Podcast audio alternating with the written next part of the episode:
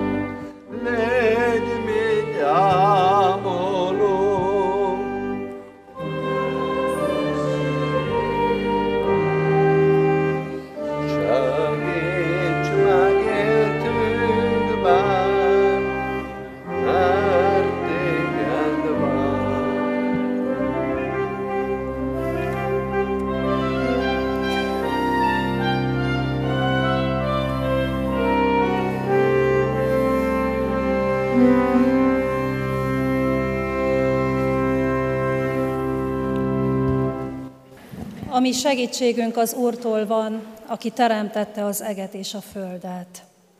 Hallgassuk meg Isten írott igéjét nyitott szívvel, ahogyan szól hozzánk a római levél tizedik fejezetéből, a tizenegyedik verstől a tizenhetedik versig terjedő ige szakaszból.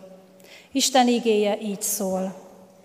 Az írás így szól, aki hisz ő benne, nem szégyenül meg.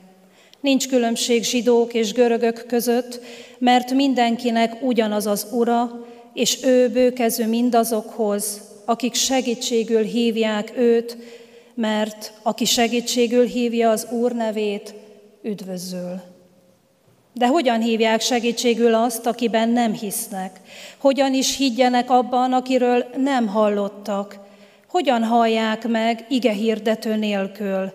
És hogyan hirdessék, ha nem küldettek el? Amint megvan írva, milyen kedves azoknak a jövetele, akik az evangéliumot hirdetik. Csak hogy nem mindenki engedelmeskedett az evangéliumnak, hiszen Ézsaiás is azt mondja, Uram, ki hit annak, amit tőlünk hallott? A hit tehát hallásból van, a hallás pedig Krisztus beszéde által. Isten szent lelke cselekedje, hogy a hallott igének lehessünk megértői, befogadói és cselekvői, hogy életünk gazdagon teremje a lélek gyümölcsét az ő dicsőségére. Amen. Hallottuk Isten igéjét, most hajtsuk meg a fejünket és imádkozzunk. Mennyei atyánk, mi is szeretnénk hozzá tartozni, a tanítványaid sorába tartozni, kicsik és nagyok. Mutasd meg ezen a mai napon is, hogy ez mit jelent. Mit jelent a mai napra nézve, mit jelent holnapra, holnap utánra, egész életünkre nézve. Mit jelent keresztényként élni a világban. Taníts minket, hogy valóban tanítványok legyünk, akiknek van mestere, akik nem elesettek, nem elveszettek, nem sodródnak ebben a világban, hanem tudják, hogy mi az, ami jó és mi az, ami rossz, mi az, ami szent és mi az, ami profán, mi az, ami helyes és mi az, ami helytelen. Sőt, nem csak általában tudjuk ezeket, hanem ha tudjuk azt, hogy te mit tartasz jónak, te mit tartasz szentnek, te mit tartasz helyesnek. És adj erőt a szívünkbe, hogy ezt ne csak tudjuk, hanem cselekedjük is. Legyen ez a mi hitoktatásunk is, a mai nap is, a holnapi, a holnap utáni is, az egész életünk. Taníts és vezess bennünket. Bocsáss meg azokat a napokat, heteket, éveket, amikor nem hallgattunk rád, amikor nem figyeltünk, amikor nem követtünk, sőt, mást hallgattunk, mást figyeltünk, mást követtünk, más utak és más Istenek után jártunk. Segíts hűségesnek lenni és maradni. Így kérünk, add a te lelkedet, hogy ne csak az eszünkkel értsük az igét, hanem a szívünkkel is. Ne csak az eszünkkel válaszoljunk a kérdéseidre, hanem a szívünkkel is. Te ismered az utat, amelyet bejártunk eddig a mai napig. Te tudod, hogy hogy kerültünk most ide. És te tudod azt is, hogy hová vezet tovább az utunk. Ezért tőled várunk választ az életünkre, útmutatást, segítséget, áldást a jövőre. Maradj velünk a te kegyelmed és szereteted szerint. Áld meg az életünket, a tanulásunkat, a hitvallásunkat. Jézus Krisztusért, ami mesterünkért. Amen. Testvéreim, készüljünk az ige hirdetésére a 313. dicséretünkkel, ennek csak egy verszaka van, ezt énekeljük, jól ismert énekünk, 313. dicséret, megáll az Istennek igéje, és nem állhat senki ellene.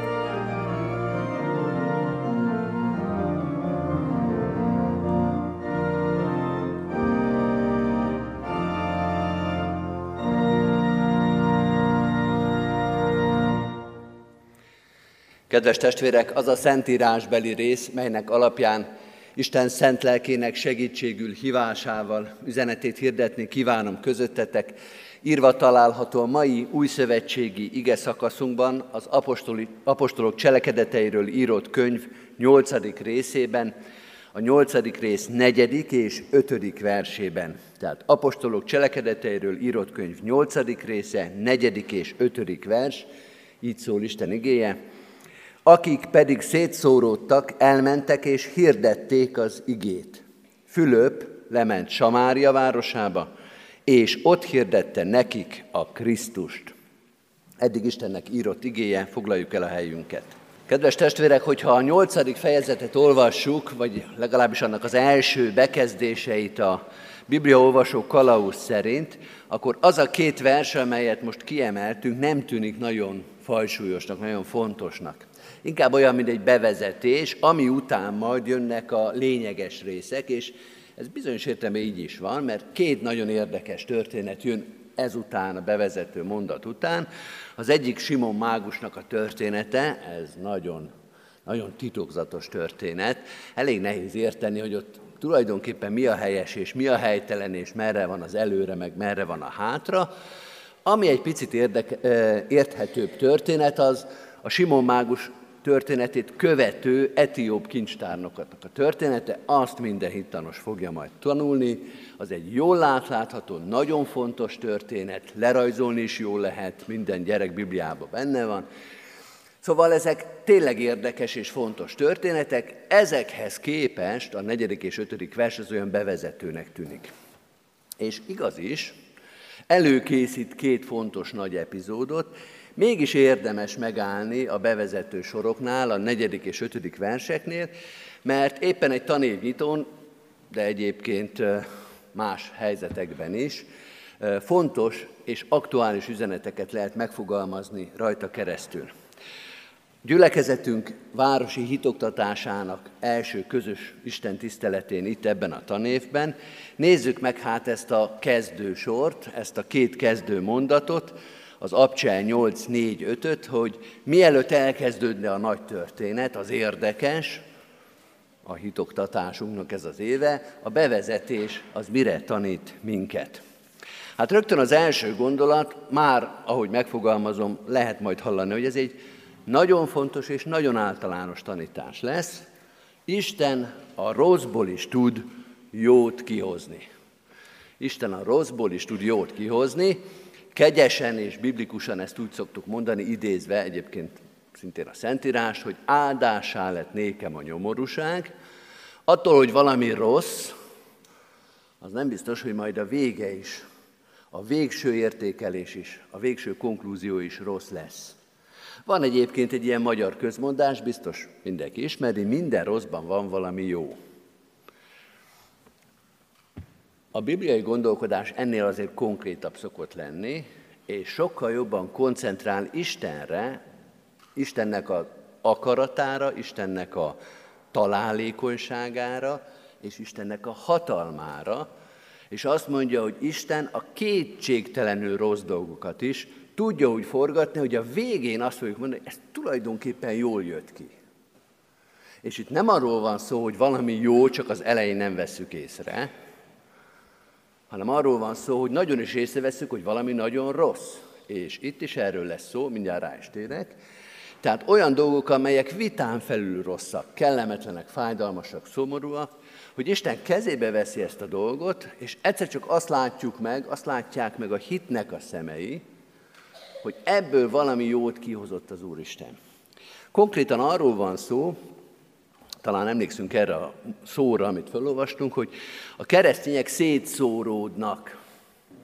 Hát ez még ebben a mondatban lehetne akár egy semleges dolog is, de ha elolvassuk a nyolcadik rész első három versét, akkor itt arról van szó, hogy a keresztények mentik a bőrüket, az életüket mentik Jeruzsálembe, üldözik őket, ott kell hagyniuk mindent, ketté törik az életük, nincs telenekké, földön futóvá lesznek, Azért, hogy az életüket megmentsék, el kell veszteniük azt a korábbi életüket, amit fölépítettek. Volt családjuk, volt házuk, volt hivatásuk, volt baráti körük, szóval minden, ami az embert a lakóhelyéhez köt, és azt most elveszítik. És el kell menekülniük. Ez rossz dolog, ezen nincs mit magyarázni. És majd később ebből majd próbálunk valami jót is kihozni, de nem lehet átsiklani a fölött, hogy ez rossz dolog. Nem lehet senkitől megkövetelni azt, hogy a rossz dolgokat ne figyelje, az nem érdekes, majd csak a jókra figyelünk. Itt valami nagyon rossz dolog történik, emberek menekülnek és földön futóvák lesznek, és mi lesz belőle a végén? Az, hogy hirdetik az igét, és evangelizálnak, Jézus Krisztusról beszélnek más területeken.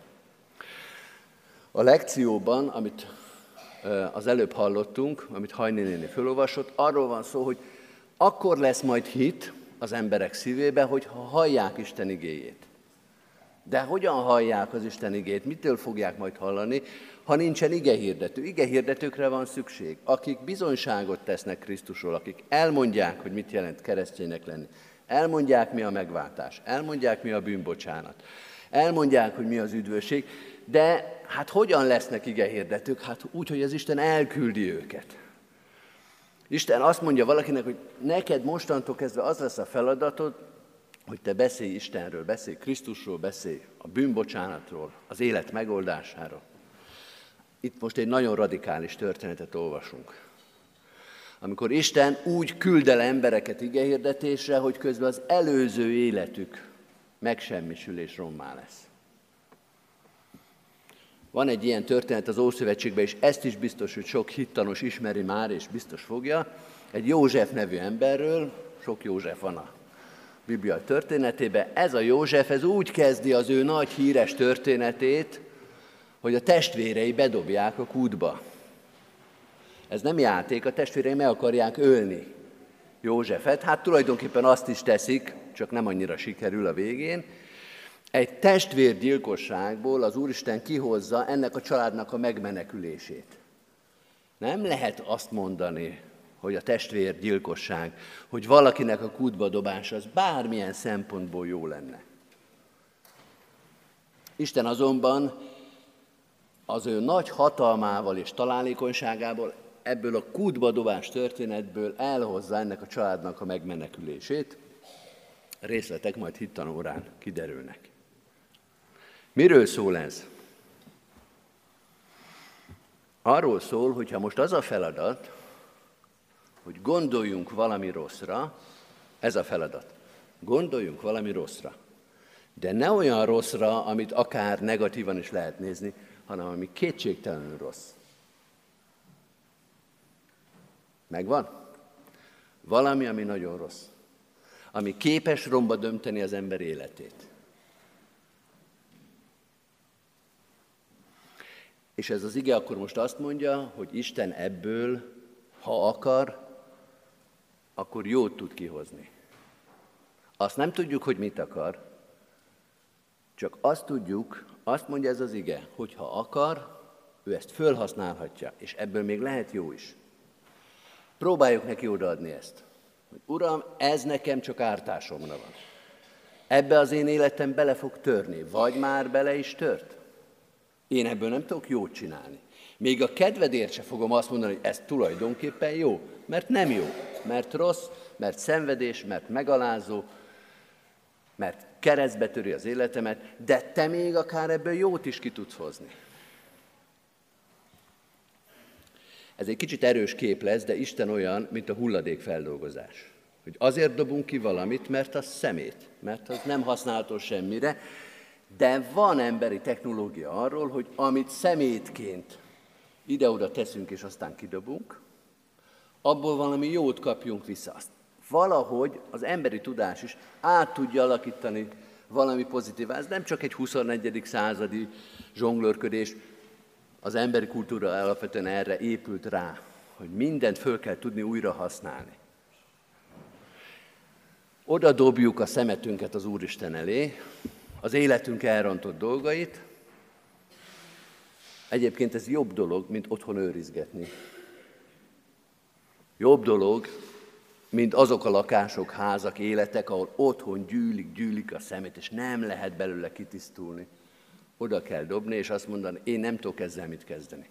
Engem ez megfojt. De te, Uram, te ebből még akár valami jót is ki tudsz hozni. Ennek az első gondolatnak egy másik vetületét fogom most megjelenteni, ami tulajdonképpen az első alatt benne van, de hadd hangsúlyozza, mert az ige is hangsúlyozza. Isten a rosszból valami jót tud kihozni. Ennek a tételnek a B oldala, a B tétele az, hogy Isten egy rossz helyen is ki tud hozni valami jót. Mert ezt is olvastuk, és talán emlékeztek rá, testvérek, hogy Fülöp esetében azt olvassuk, hogy Fülöp lement Samária városába, és ott hirdette nekik a Krisztust. Most a zsidó ember számára a Samária az a rossz hely. Vannak olyan helyek, ahol az ember nem megy, hanem muszáj. Samária az egy zsidó számára ilyen. Nem keveredik az ember ilyen bizonytalan társaságba, ilyen rossz hírű társaságba. Ha már menni kell, próbáljunk jó helyre menni. Próbáljuk úgy igazítani az utunkat, hogy valami jó jöjjön ki belőle. Samária az nem ilyen hely. Samáriát jobb lenne elkerülni, mint ahogy minden ember életében vannak olyan helyek, hogy jobb lenne oda nem kerülni. Valahogy próbáljuk meg kibekelni, ügyeskedni, vagy céltudatosan elérni, hogy ne ide, hanem oda menjünk. De milyen kár lett volna ezt kihagyni, mert ha tovább olvasnánk az igét, a negyedik, ötödik vers után jön a hatodik, a hatodik így szól, a sokaság egy szívvel és egy lélekkel figyelt arra, amit Fülöp mondott, mivel hallották és látták azokat a jeleket, amelyeket tett. Samáriában bejön az ige hirdetés. Samáriában van eredménye. Samáriában van gyümölcse. Olyan sok jó helyen jártunk, aminek semmi értelme nem volt. És akkor itt látunk egy történet, hogy elmegy valaki egy rossz helyre, és ott meg van értelme. Isten bárhol, még Samáriában is tud értelmet adni a cselekedetnek. Ahogy bármilyen rosszból tud valami jót kihozni, úgy bárhol az emberileg reménytelen, unalmas, kerülendő, kellemetlen, helyeken is, szituációkban is tud értelmet adni a cselekedetünknek. Ahonnan mások menekülnek. Ahova épeszű ember nem teszi a lábát, mert ott még a fű. És ennek a tapasztalatnak egyébként biztos van alapja is. És mégis valaki oda megy, és Isten ott valamilyen eredményt ad az életének. Három gyors példát hadd, hadd mondja. Az egyik Albert Schweitzernek a története, aki, hát nehéz is felsorolni, mi minden volt, teológus volt, lelkipásztor volt, orgonista volt, jó teológus is volt, és orvos is volt. És ezzel az orvosi tudásával a múlt század, 20, múlt század 20-as, 30-as éveibe elment Afrikába a kórházat építeni. Egy olyan ember, aki ezzel a sok tudásával bárhol Európába sikeres tudott lenni, bármilyen színpadon, bármilyen helyzetben, ő volt a, a sztár, és akkor elment valahova, ahol minden sokkal nehezebb.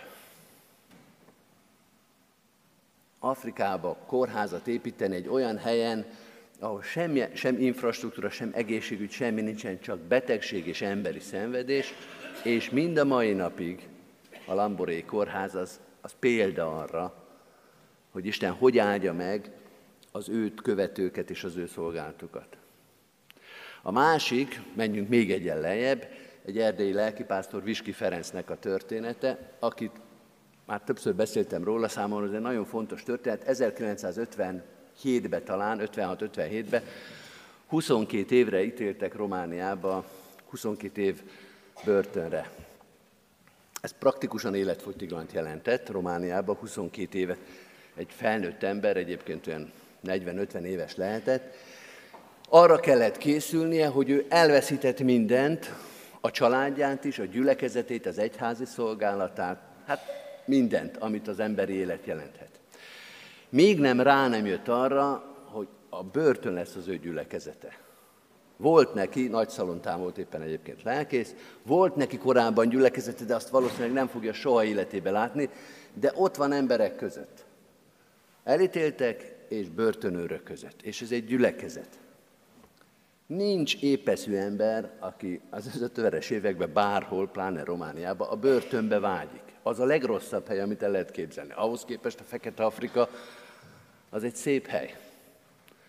És Isten ott is meg tudja áldani a szolgáltat. És az, mi itt is lehet lelki pásztorként, igehirdetőként működni, hát a gyülekezet adva van. Ez a gyülekezet. A cellatársak, a rabok, a sétálón, az étkezőbe, a börtönőrek, ők lesznek a gyülekezet. És a harmadik példa, azt még most láttam nemrég, nagyon szép történet. Nemrég volt a pápa látogatás ugye Magyarországon, és ott biztos látták a testvérek, meg talán hallották is, hogy a pápai nagymisén, ahol a papság volt jelen, ott volt egy, egy kerekes székes öreg pap, aki ez a pápa odalépett és megcsokolta a kezét. Szép szimbolikus gesztus. Ez az öreg pap azért ült kerekes székbe, mert nem voltak már lábai. Valószínűleg valamilyen betegség miatt le kellett vágni a lábát, és megvolt minden lehetőség, hogy bevonuljon öregként, rokkantként egy papi otthonba, de ő a hajléktalan szállón élte az életét, mondván, hogy ez az egyetlen hely, ahol még szolgálni tud. Ki az, aki Magyarországon hajléktalan szállóra vágyik? Az egy rossz hely. És az öreg pap azt mondta, hogy én már csak ott tudok, nem tudok utána menni a gyülekezetnek, de a gyülekezet majd jön be. A legelesettebbek. Szóval az első gondolatnak a záró tétele ez ez. Isten a legrosszabb helyen is. A legelhagyatottabb, a leg, legszegényebb helyen, a börtönbe, a hajléktalan szálon, bárhol gyümölcsözővé teheti az ő szolgálatát. Idáig arról beszéltünk tehát, ez volt az első gondolat, hogy mit tesz az Isten. Sok szép dolgot elmondtunk most az Úristenről.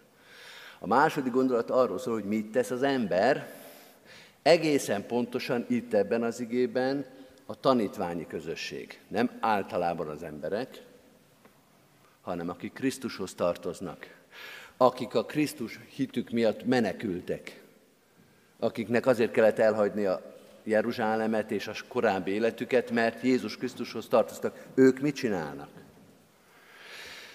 Mind a negyedik, mind az ötödik vers arról ír, hogy elmennek és hirdetik az igét, vagy hirdetik a Krisztust. A tanítványok menekülnek, mentik az életüket, és hirdetik a Krisztust, és ige hirdetőké válnak. Ugyanezek a tanítványok nem is sokkal korábban, János 21-ben olvassuk, ülnek a Genezárettó partján, gondolkodnak a feltámadás csodájáról, mert akkor már megjelent nekik a feltámadott Krisztus, és Péter, az apostol, az oszlopapostol, a nagy, Péter azt mondja, én elmegyek halászni. Mert a többiek is azt mondják, mi is elmegyünk halászni. Ez a mondat azt jelenti, hogy Gyerekek, ennek vége van. Ez egy nagyon szép történet volt, követtük Krisztust, hallgattuk, láttuk mindent, föl is támadt az Úr, még biztos lesz valami, de nekünk már nincs feladatunk. Én halász vagyok, mondja Péter, én ezt tudom csinálni, a kereszténységnek vége, ez egy szép kaland volt, nagy dolog volt, egész életemben ezt fogom emlegetni, de mit tudok csinálni? Elmegyek halászni, ehhez értek. Többiek is azt mondták, Péter, ennek tényleg vége van, mi is elmegyünk halászni, mert mi más tudunk csinálni. Szóval dicsérjük meg a tanítványokat, mert ebből a helyzetből itt azt látjuk, hogy nem halászni mennek, nem megúszni akarják ezt a hátralévő életet, hogy valahogy kihúzzuk már, hanem igehirdetőké válnak. A halászok nem egy tanult társaság ez. Nem arról van hogy él, egész életükben ezt csinálták, most kezdik el csinálni. Most tanulnak bele. Most próbálják ki magukat, hogy milyen ige hirdetőként élni. Nincsen vége, mondja ez az ige. Elmegyünk és folytatjuk azt, amiben beállított minket Krisztus. Elmegyünk és prédikálunk. Elmegyünk és róla beszélünk, nem magunkról. Nem arról van szó, hogy a tanítványok elmentek és telesírták a világot, hogy micsoda szenvedés Krisztushoz tartozni, hogy sajnálták magukat, hogy elveszítettük mindent, a házunkat, a lakásunkat, a presztízsünket. Nem saját magukat hirdették, hogy mi vagyunk a nagy, ártatlan, de sokat szenvedő társaság. Jaj, de nehéz kereszténynek lenni. Nem erről van szó. hanem Jézus Krisztusról beszélnek. Az evangéliumról beszélnek, arról, hogy Isten mit hoz ebbe a világba. Szóval a lényegről beszélnek, és nem saját magukról. A körülmények változhatnak, mondja ez az ige, a körülmények romolhatnak, vagy csak nem javulnak, pedig most már ránk férne egy kis jó is, Covid után, meg rezsiválság, meg minden, most már lehetne valami jó, és nem történik semmi, vagy nem sok, de a parancs az nem változik, a feladat nem változik. Elmenvén tegyetek tanítványokká minden népeket, mondta Jézus, akkor ezt fogjuk csinálni. Egy idős presbiterről hadd emlékezzek meg, Ernő bácsinak hívták, Tata bányán volt presbiter, valamilyen gépész vagy valamilyen mérnök szakmája volt, és Debrecenbe végzett az 50-es években egy nagy református család fényes karrier előtt álló fiatal embere. A nagy református Debrecenbe. És ott kezdte el a hivatását, és egyszer csak, ez is az 50-es években történt, egyszer csak áthelyezték őt Tatabányára. Na most Tatabánya nem a reformátusok fellegvára, az 50-es években meg főleg nem volt, tulajdonképpen nem is nagyon volt, akkor kezdték összetánkolni a nehéz ipar kedvér három településből. Tehát azt lehet mondani, hogy Jeruzsálembe elme, elment Samáriába. A Kánaánból, reformátusok számára Debrecen, elment a pusztába. De mivel Debrecenben már presbiter volt, ezért Tatabányán is presbiter lett. Mondván, hogy a feladat ugyanaz. Református szempontból ez ég és föld. Debrecenben vagy 17 gyülekezet volt már akkor is, és most oda Tatabányára, egy kommunista, kirakat városba, kemény lehetett. De azt mondta, a feladat ugyanaz. Én nem lelkipásztor vagyok, mérnök vagyok, de mindegy. A gyülekezet építője, a gyülekezetnek a tehervállalója. És ha Debrecenben voltam, akkor ott voltam, és ha Tatabányán vagyok, kikeresem a térképen, hol is van, és akkor ott fogom folytatni, mert a feladat az nem változik. És a tanítványok, nagy piros pont nekik, ezt értették meg, hogy Jeruzsálemben, akkor ott, de ha Samáriában, akkor ott kell hirdetni az igét. Kedves testvérek, egy záró hangsúlyt hagyd tegyek még a végére, mert nagyjából mindenről beszéltünk, de egy szóról még nem, pedig ez is fontos, ez pedig az a szó, hogy Fülöp. Fülöp a 12 tanítványból az egyik.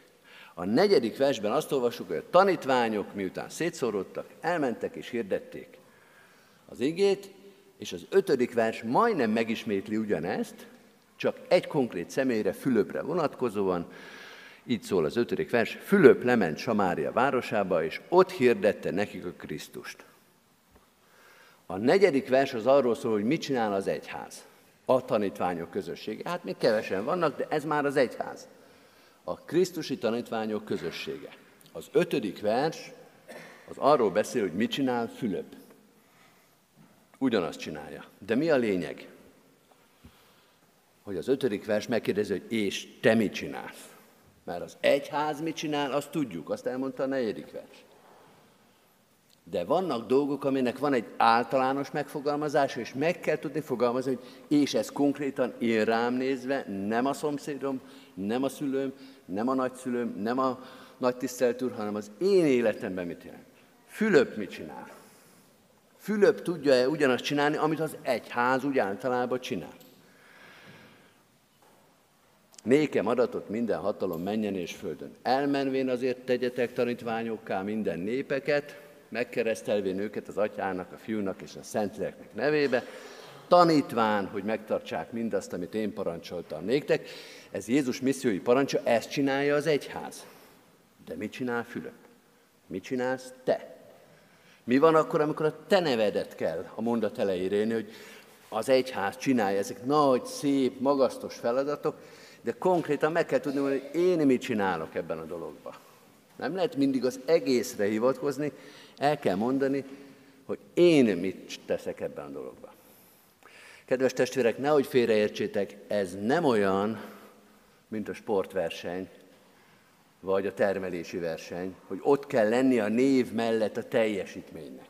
És majd sorrendbe rak minket az Úristen, hogy kinek van 400 százaléka, meg kinek 300. Ez nem a versenyről szól, ez a biztatásról szól. hogy Isten rád is számít, téged is figyel. Te is benne vagy az ő történetében. Nem csak úgy általában van kegyelem, meg, meg áldás, meg szentlélek, úgy általában az egyháznak, hanem a te nevedre is. Neked is van egy történeted, aminek Isten örül, vagy amit Isten irányítani akar. Mondok egy példát, Jézus is hozza ezt a példát, hogy az egyház és az üdvösség az olyan, mint egy lakodalom. Egyébként ezen is érdemes elgondolkozni, milyen kedvező képeket használ az Úristen az üdvösségre. Ki ne szeretne lakodalomba menni? Nem csak az ifjú pár, hanem mindenki más is. És amikor bemegy az ember a lakodalomba, attól már úgy meleg az embernek a szíve, hogy milyen szép, milyen szépen feldíszítek, milyen jó illatok vannak. Szóval az úgy jó lesz. De amikor az ember meglátja a saját ültetőkártyáját, az azt jelenti, hogy téged itt vártak. Te nem egy koldus vagy, aki beszöktél a lakodalomba, azt úgyse veszik észre, hanem oda készítették, ott van a neved, ott van a szeretteid között. És ez a mondat, ez erről szól. Hogy van Istennek egy nagy kiváltságos feladata, terve, áldása az egyházra, és ott van a te névkártyát, hogy Isten rád is számít ember. Fülöp nem váltotta meg a világot. Ha Fülöp nem csinálta volna ezt, az egyház történet ugyanúgy alakult volna. De Isten nem akarta Fülöpöt kihagyni ebből a történetből. Azt mondta, a tiedre is szükség van. Rád is szükség van, rád is figyelnek. Kedves testvérek, hitt a névnyitó Isten tisztelet, ez a mai, sok hittanos itt van, és még nagyon sok hittanos van a városban, és mindnek a neve benne van a haladási naplóba, meg az összes adminisztrációban. De ne ennek örüljünk, hanem annak, hogy az összes szereplőnek a neve hittanosnak, hitoktatónak, lelkésznek, presbiternek, szülőnek, keresztülőnek, mindenkinek a neve benne van az Úristen adminisztrációjában, az Úristen tervébe. Ezzel biztat ez az ige, hogy találd meg a helyedet, találd meg a nevedet, találd meg a szolgálatodat ebben az évben is. Amen. Testvérek, válaszoljunk Isten igényére egy énekversel, keressük meg a 832. 832. dicséretünket, és annak az első verszakát énekeljük, Ó Sion, ébredj, töltsd be küldetésed, mondd a világnak, hajnalod közel. Az első verszakot énekeljük.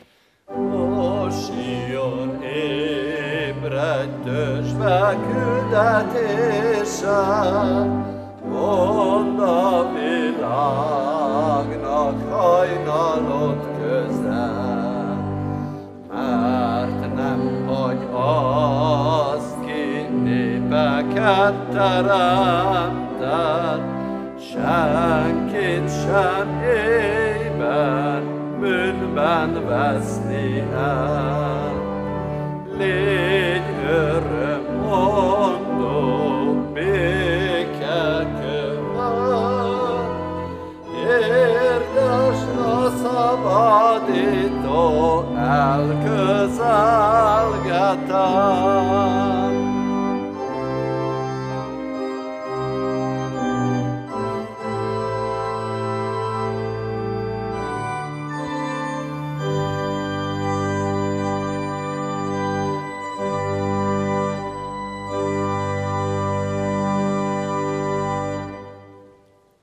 Helyünkön maradva, hajtsuk meg a fejünket és imádkozzunk.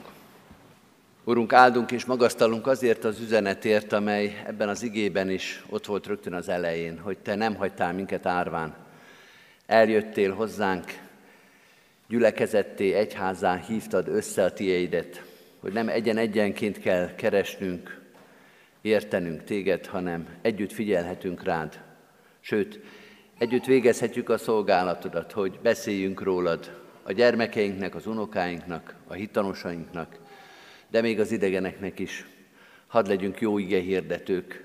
Mi, akik magunk sem értünk mindent, sok mindent elfelejtünk, vagy félreértünk, a szavaink ügyetlenek, gyengék, félreérthetőek. Mi arra kérünk téged, hogy áld meg a munkánkat, hogy a rossz emberi szavainkon és a rossz emberi megértéseinken keresztül mégis Krisztus ismeret szülessék ebben a világban. Kicsikben, nagyokban, egyénekben és közösségekben. Hadd ismerjünk meg téged. Add, hogy erősödjön bennünk a bizalom, hogy ez az ismeret, ez mindenre elég. Mindent megváltoztathat. A legrosszabbból is kihozhat valami jót. A legrosszabban is adhat gyógyszert, fájdalomcsillapítót, adhat nekünk olyan érzéseket, megnyugvásokat, békességet, amit máshogyan nem érhető el. Urunk, kísérd az életünket a Te szereteteddel, gondviselő hatalmaddal. Rád bízzuk az előttünk álló évet. Mi nem látjuk, de Te látod, mi fog történni. Add az áldásodat és lelkedet a hittanórákra, a konfirmációra való felkészülésre, a hittanos programokra, akár nagy közösségben ünnepeljük, szervezzük őket, akár egy-két fős kis hittanórákon kell rólad vallást tenni. Add a te áldásodat, mert a te áldásod mindenre elég. Így erősítsd az egyházat itt ebben a városban is, sok keresztény közösséget. Így kérünk áldást az egyházra, a gyülekezetek szolgálatára, az országunkban, a nemzetünk körében, és szerte a világban. Hisszük, Urunk, hogy neked ebben a világban sok néped van. Áld meg a gyülekezeteket, egyházakat, add, el, add, el, add számunkra a te szent lelkedet, annak vezetését, annak erejét, hogy hitvalló szívvel, álhatatosan hirdethessük az igét.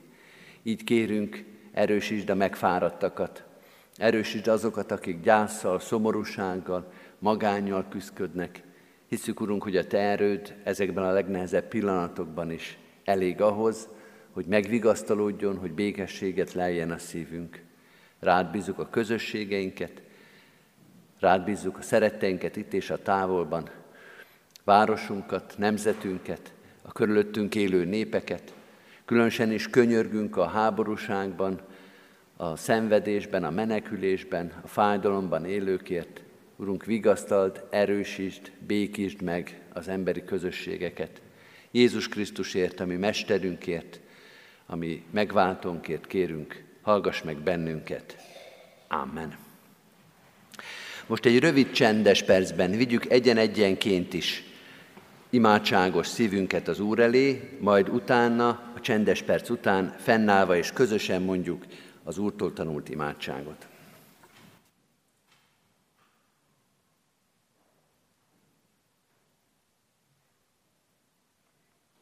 Amen. Együtt közösen az Úr Jézus Krisztustól tanult imádságot mondjuk el. Mi atyánk, aki a mennyekben vagy, szenteltessék meg a te neved. Jöjjön el a te országod, legyen meg a te akaratod, amint a mennyben, úgy a földön is. Ne vigy nyerünket, add meg nékünk ma, és bocsásd meg a mi védkeinket, miképpen mi is megbocsátunk az ellenünk védkezőknek.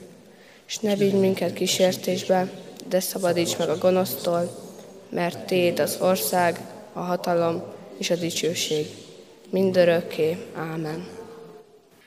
Hirdetem az adakozást az ige szavával, hálával áldozatok az Úrnak, és teljesítsétek a felségesnek tett fogadásitokat. Mindezek után Istennek népe, áldjon meg titeket az Úr, és őrizzen meg titeket. Világosítsa meg az Úr az ő orcáját ti rajtatok, és könyörüljön ti rajtatok. Fordítsa az Úr az ő orcáját, tireátok, és adjon békességet, Krisztus ismeretet számotokra. Amen. Foglaljuk el a helyünket, kedves testvérek, és hallgassuk meg gyülekezetünknek a köszöntését, a hittanévnyitó köszöntését, és utána majd gyülekezetünk híreit. Nagy szeretettel köszöntöm a jelenlévő kedves testvéreket, a gyülekezetet, mint a Városi Hittanoktatás szervező és felelős lelkipásztor, a hitattatók nevében köszöntök mindenkit nagy szeretettel. Az első, amiről szeretnék néhány gondolatot megosztani a jelenlévőkkel, hogy több mint 20 oktatási intézményben, iskolában vagyunk jelen a hitoktatás révén, és közel 20 óvodában tervezzük, hogy szeptember végéig a hitoktatást elkezdjük. Hogyha ezeket a tétszámokat és számokat összeadjuk, az azt eredményezi, hogy közel ezer hittanossal találkozhatunk hétről hétre. De miért is szeretnénk mi ezekkel az iskolás és óvodáskorú gyermekekkel találkozni? Mire hívott el minket Isten, mint hitoktatókat? Egyrészt arra, hogy azt az értékrendet, amely a Szentírás alapján számunkra megérthető, megragadható, ezt közvetítsük, továbbadjuk, tanítsuk. Ez egy kipróbált értékrend. Nem a múlt héten vagy egy-két év óta divatossá vált eszme, hanem olyan sziklaszilárd alap, amely az emberi élethez szükséges. Ezt szeretnénk a gyermekekkel megismertetni. És ez nem csak 2000 éves, a kereszténység kezdetétől fogva, hanem az örökké való Istentől kapott útmutatás, a tíz parancsolattól kezdve a szeretet nagy parancsolatáig. Egyrészt tehát ez a mi hivatásunk az iskolai, óvodai környezetben, másrészt pedig szeretnénk mindezt egészen személyessé is tenni mindazok számára, akikkel találkozhatunk. Hiszük azt, hogy az evangéliumnak az ereje, a szépsége, az öröme megvidámítja a szívet, megvigasztalja azt, aki bátorításra szorul, és erőforrásá válhat mindazok számára, akik nehézségekbe ütköznek. Ez iskolai környezetben is megtörténik. Szeretnénk a hittanosainkat ilyen egészen személyes módon lelki gondozni, segíteni, bátorítani és támogatni a szolgálatunk által. Arra hívjuk a jelenlévő szülőket, keresztszülőket és a jelenlévő gyülekezetet, hogy ebben a szolgálatunkban támogassanak minket. Nyilván másképp történhet ez szülőként, otthon, biztassuk, bátorítsuk a gyermekeinket, hogy vegyenek részt a hittanórán. Nem csak azért, mert annak idején, amikor a keresztség sákramentumában részesült a gyermekünk, akkor fogadalmat tettünk, hogy úgy neveljük és neveltetjük, hogy majd felnövekedve a konfirmáció alkalmával ők maguk személyesen tegyenek hitvallást a Szent Háromság Istenbe vetett hitükről, hanem azért is, mert, mert ez nekünk szülő családként is nagyon fontos esemény. És azért is kérem még a támogatását a szülőknek, és nem csak a szülőknek, hanem a szélesebb körű családnak, a gyülekezetnek is, hogy nekünk hitottatóknak pedig legyünk, legyen egész évre szóló kitartásunk, örömünk ebben a szolgálatban, mert ebben is meg lehet lankadni, mint ahogy minden másfajta tevékenységben az emberi életünk során. Így legyen hát ez egy közös szolgálatunk ebben az új tanévben is, ebben a hivatásban megerősödve, és ehhez a hivatáshoz a gyülekezettől segítséget kérve, annak reményében, hogy Isten megáldja a mi fáradozásunkat, a mi magvetésünket a gyermekek között. Így legyen. Hallgassuk meg most a hirdetéseket. Néhány dolgot szeretnék kiemelni az előttünk álló hét eseményei közül, amely eltér talán a megszokottaktól. Kezdeném a heti alkalmakkal, a megszokott alkalmakon kívül csütörtök, péntek és szombat esténként 18 órától bűnbánati sorozat kezdődik a katonatelepi templomban. Munka, ima, Krisztus címmel. Igét hirdet Lacai András lelkipásztor. És még szeretném elmondani ehhez, hogy akinek módja van, vagy szeretné visszahallgatni a, ezeket a prédikációkat, az az interneten megtalálhatja, és azoknak is ajánlom és szeretettel hirdetem, akik nem tudnak részt venni, de szeretnék azért ezeket az alkalmakat meghallgatni, ezeket a szolgálatokat, A hirdetőlapon le van írva az internetes elérési lehetőség. Hálával és köszönettel szeretném említeni az elmúlt héten megérkezett és megkapott adományokat, amely a Széchenyi Városi Misszióra 125 ezer forint, menekültek javára 11.500 forint érkezett, és még sok-sok helyre, de az összesen pedig 871.310 forint érkezett az gyülekezethez. A Széchenyi Városi templomra 2016-tól kezdve gyűjtjük az adományokat, hogy felépülhessen, melynek összege ezen a héten 26 millió 263 588 forint összesen. Még egy fontos hírt szeretnék kiemelni. Szeptember 24-én, azaz jövő vasárnap 9 órakor a virágvasárnapi alkalomhoz hasonlóan gyülekezetünk közös urvacsorás istentiszteletet és szeretett vendégséget tart a templomban, illetve a lelkészi bejáró előtti téren.